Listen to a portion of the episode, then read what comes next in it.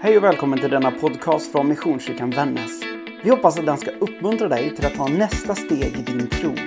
Om du vill ha mer koll på vad som händer hos oss, gå in och följ Missionskyrkan Vännäs på Facebook och Instagram eller kontakta oss via vår hemsida www.missionskyrkanvannas.se. Välkommen hem hit! Hej och välkommen på gudstjänst i Missionskyrkan Vännäs. Idag så tänker jag predika över kyrkoårets tema som är medmänniskan och evangelietexten den här söndagen som är ifrån Matteus evangeliets sjunde kapitel.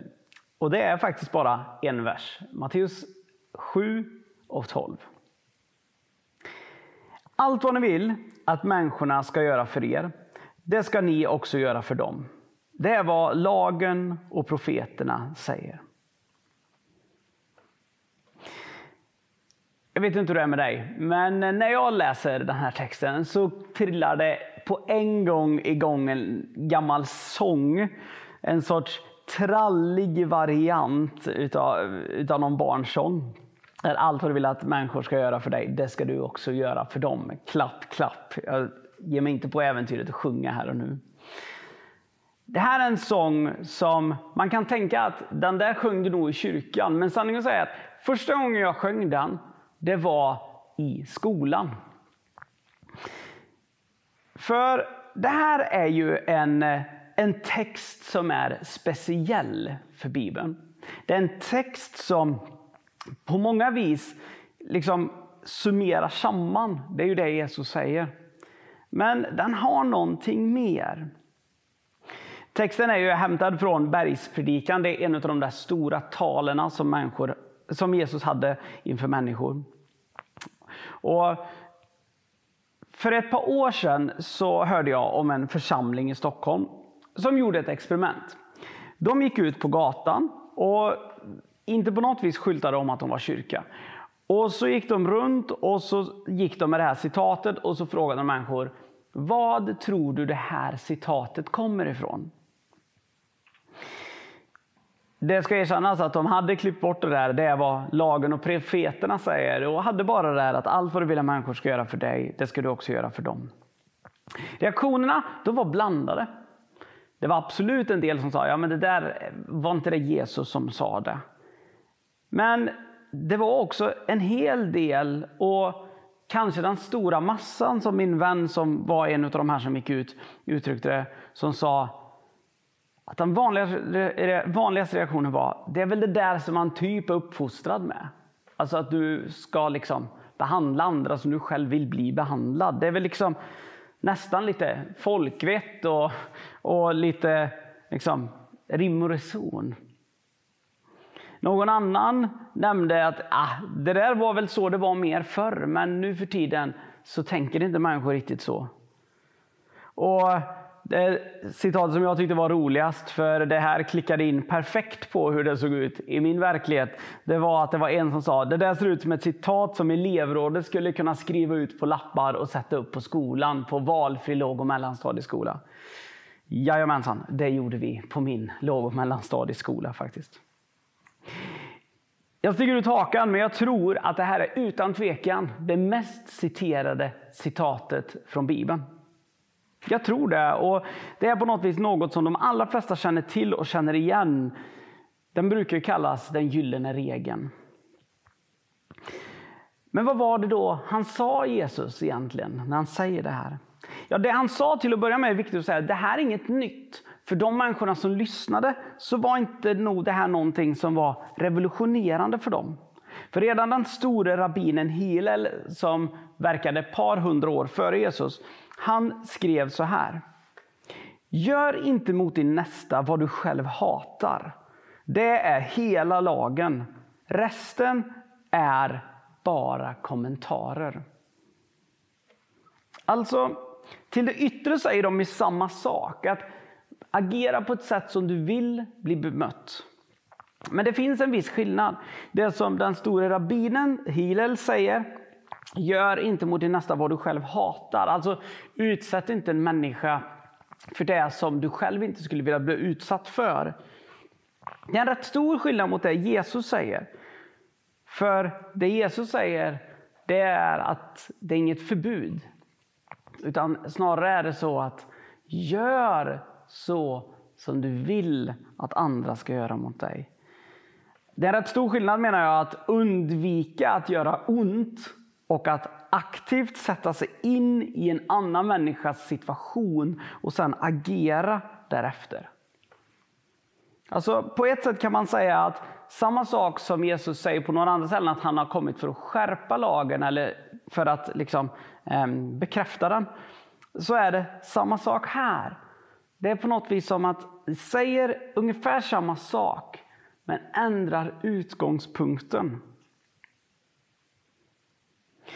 Den gyllene regeln den tvingar oss ständigt att handla och faktiskt ställa oss frågan hur skulle jag vilja bli bemött om jag var i den här människans situation?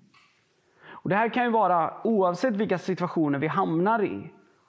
Den där snorkiga arbetskamraten, den där som är dryg mot dig vid olika tillfällen. Den där som är kanske knuffat in dig i skåpet i skolkorridoren. Eller varför inte tiggaren som sitter utanför ICA.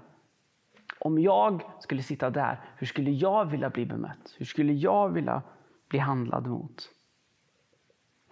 Men den här versen den står också i ett sammanhang och det är viktigt att komma ihåg. Vi har bara läst ena versen just nu. Men det finns, den står ju mitt i ett stort tal. Där Jesus håller ett stort tal. Eh, och jag tänkte att jag ska bara läsa det som kommer precis före. Vem av er ger sin son en sten när han ber om bröd? Eller en orm när han ber om fisk? Om nu ni som är onda förstår att ge goda gåvor till era barn, hur mycket mer ska då inte er far i himlen ge det som är gott till dem som ber honom? Alltså, allt vad ni vill att människorna ska göra för er, det ska ni också göra för dem. Det är vad lagen och profeterna säger. Jesus liksom lyfter det ett steg till och på något vis säger att anledningen till att vi ska göra gott och att vi på något vis tenderar att vilja göra gott. Det är alltså för att Gud gör gott mot oss. Det är som att Jesus säger att motreaktionen på att du har blivit gott behandlad av Gud, att du har att Gud älskar dig, det är på något vis att det är att vi ska besvara det genom att vara goda mot andra människor. Att på något vis motreaktionen, ett, ett sätt att liksom bekräfta kärleken gentemot Gud, är att vara god mot andra människor. Det Jesus slår fast här, det är alltså att hans lärjungar främst ska visa sin kärlek gentemot varandra. Eller som en av lärjungarna själv skrev i första Johannesbrevet, att vi älskar därför att han först har älskat oss. Om någon säger att han älskar Gud och hatar sin broder så är han en lögnare. Till den som inte älskar sin broder som han har sett kan inte älska Gud som han inte har sett. Och detta är det bud som vi har för honom. Att den som älskar Gud också ska älska sin broder. Det kan vara väldigt diffust menar jag. Och det kan kännas väldigt alltså, fluffigt att hålla på och säga att ja, men vi ska älska våra medmänniskor. Eller som att vi har i vår vision att vi vill älska vänner. Det kan vara otroligt flummigt. Men grejen är att det är inte bara visioner på ett papper. Det är inte bara vackra ord på ett papper. Anledningen till att vi har det här, det är inte för att vi primärt känner för det, inte för att någon har tvingat oss. Vi gör det för att Gud älskat oss först. Och om Gud älskat oss först, då så vill vi älska andra. Lite tidigare i eh, bergspredikan så, så säger Jesus att om någon vill tvinga dig att följa med en mil i hans tjänst, så gå två mil med honom. Jag tänker att det här är verkligen en sorts uppbyggnad inför det här att gör allt vad du vill att människor ska göra för dig. Att, och jag tänker att det här är något som jag i alla fall drömmer om att det är någon ska prägla vår församling. Att vår församling får vara den här typen av gemenskap där någon, alldeles oavsett vem de är, ber om, kan du hjälpa mig med det här?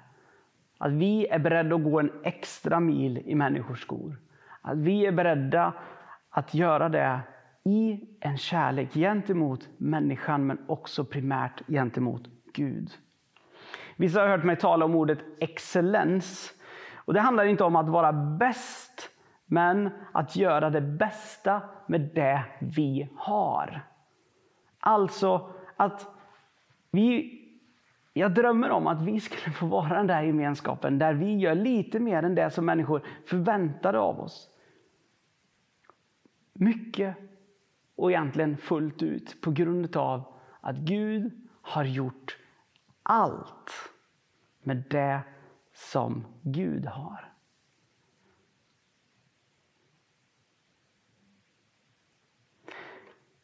Jag tror att vi som församling har ett enormt viktigt uppdrag. Jag tror att vi som enskilda kristna har ett fantastiskt stort uppdrag i en värld som många upplever som kallare och kallare och som platser där det finns mindre och mindre gemenskap. Där har vi ett viktigt uppdrag att bygga upp någonting annat, att visa på någonting annat. I eller utanför pandemi, församlingsuppdrag, det står kvar. Det finns många människor som är beredd, som, det finns väldigt många människor som behöver någon som vandrar med dem. Låt oss aldrig någonsin vika från det. Låt oss aldrig någonsin tveka att gå den extra milen med dem som behöver det. Låt oss be. Jesus Kristus, tack för det du instiftade. Herre, tack för att när du talar utifrån lagen så är det som att du försöker inte riva ner. Men du försöker hjälpa oss att se det från ett annat håll. Herre, jag ber att du ska stötta oss och hjälpa oss. Att vi ska ständigt aktivt försöka sätta oss in i andra människors situation. Att vi ska liksom på något vis falla undan från det där, vår egen snorkighet som kan finnas, vår egen gnidenhet. Utan att vi snarare ska se till varför agerar den här människan som den gör och hur kan jag hjälpa den på bästa sätt. Herre, jag ber också att du är oss nära, att vi genom den här pandemin än mer får uppleva din kärlek. Dels för att vi själva behöver den, men också Herre, för att vår värld behöver att vi älskar. Ber så i ditt heliga namn. Amen.